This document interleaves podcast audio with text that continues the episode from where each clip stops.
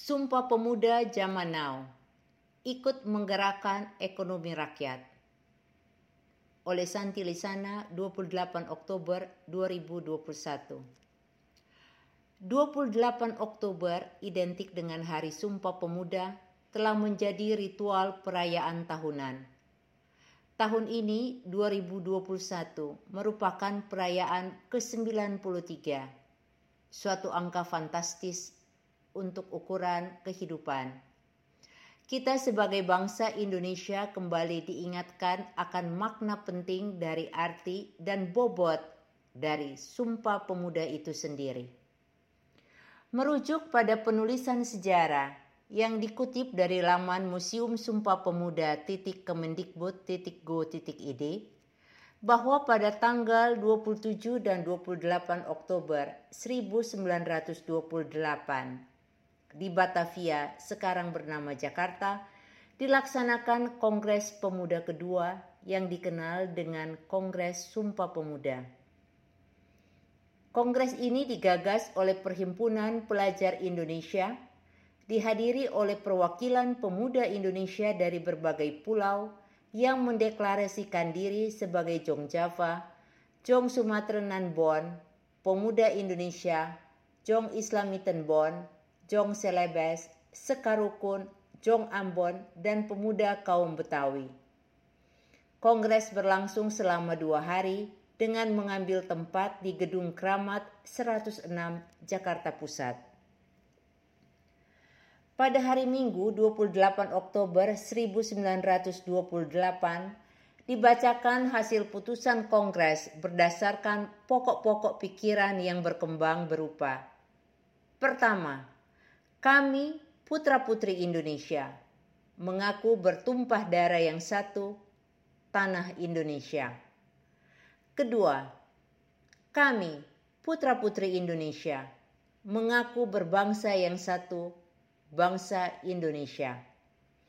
Ketiga, kami, putra-putri Indonesia, menjunjung bahasa persatuan, bahasa Indonesia serta untuk pertama kalinya dikumandangkan lagu Indonesia Raya ciptaan W.R. Supratman. Adalah tepat bila dalam perayaan ke-93 ini, Tisande yang memfokuskan diri dalam pendidikan karakter, mengetengahkan tiga karakter yang dipandang cocok untuk para pemuda zaman now. Ketiga karakter yang dimaksud adalah satu, semangat nasionalisme, yaitu sikap dan tindakan yang mengutamakan kepentingan bangsa dan menyatakan kepentingan pribadi atau individu dan atau kelompok di bawah kepentingan bersama. Dua, cinta tanah air, yaitu sikap mencerminkan rasa bangga, loyalitas, kepedulian dan rasa hormat yang tinggi untuk bahasa, budaya, ekonomi, politik, dan lain-lain, serta tidak mudah menerima tawaran dari negara lain yang dapat membahayakan bangsa sendiri. Tiga, cinta damai, yaitu bersikap dan berperilaku yang mencerminkan suasana damai dan aman dengan ikut menciptakan ketenangan dan kenyamanan dalam komunitas masing-masing.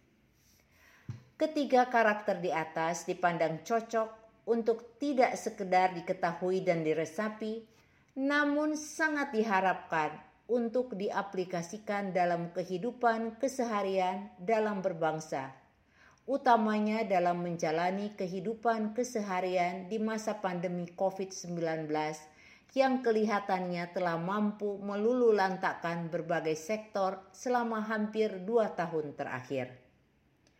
Mari para insan muda zaman now, para milenial, berpartisipasi aktif dengan melaksanakan tindakan nyata dimulai dengan hal-hal praktis dan mudah seperti satu, Hidup berdampingan dengan damai dalam segala keberagaman dan perbedaan.